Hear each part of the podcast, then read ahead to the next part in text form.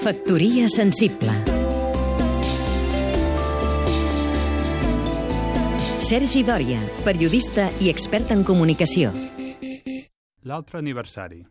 El 3 de setembre s'escau el centenari del naixement d'Ignasi Agustí, coetani i gran amic de Salvador Espriu. Amb 19 anys, Espriu acaba de publicar El doctor Rip i prepara Laia. Qui més qui menys, tothom du un poemari sota el braç, però ell fa valer el seu vot de qualitat i determina que l'obra d'Agustí mereix els honors de la publicació.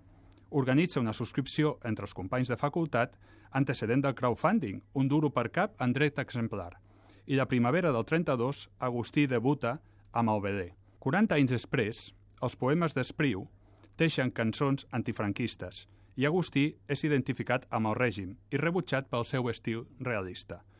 Malgrat la política i les modes, Espriu mai ha deixat de llegir-lo i apreciar-lo. A les cartes de lletra menuda que li envia, arriba a la mateixa conclusió de la generació que es va bé de digerir el feixisme i la revolució amb només 20 anys.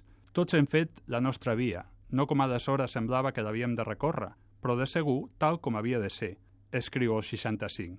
Conegut per Mariona Rebull, Agustí fou moltes coses més, escriptor en català als anys republicans, periodista de La Veu, Mirador, L'Instant, director de Destino, creador del Premi Nadal, impulsor de la revista Telestel. Hi ha escriptors compromesos i comprometedors. Jo formo part del segon grup, deixa dit Agustí, com Pla, Vergés o Martí de Riquer, un català de Burgos.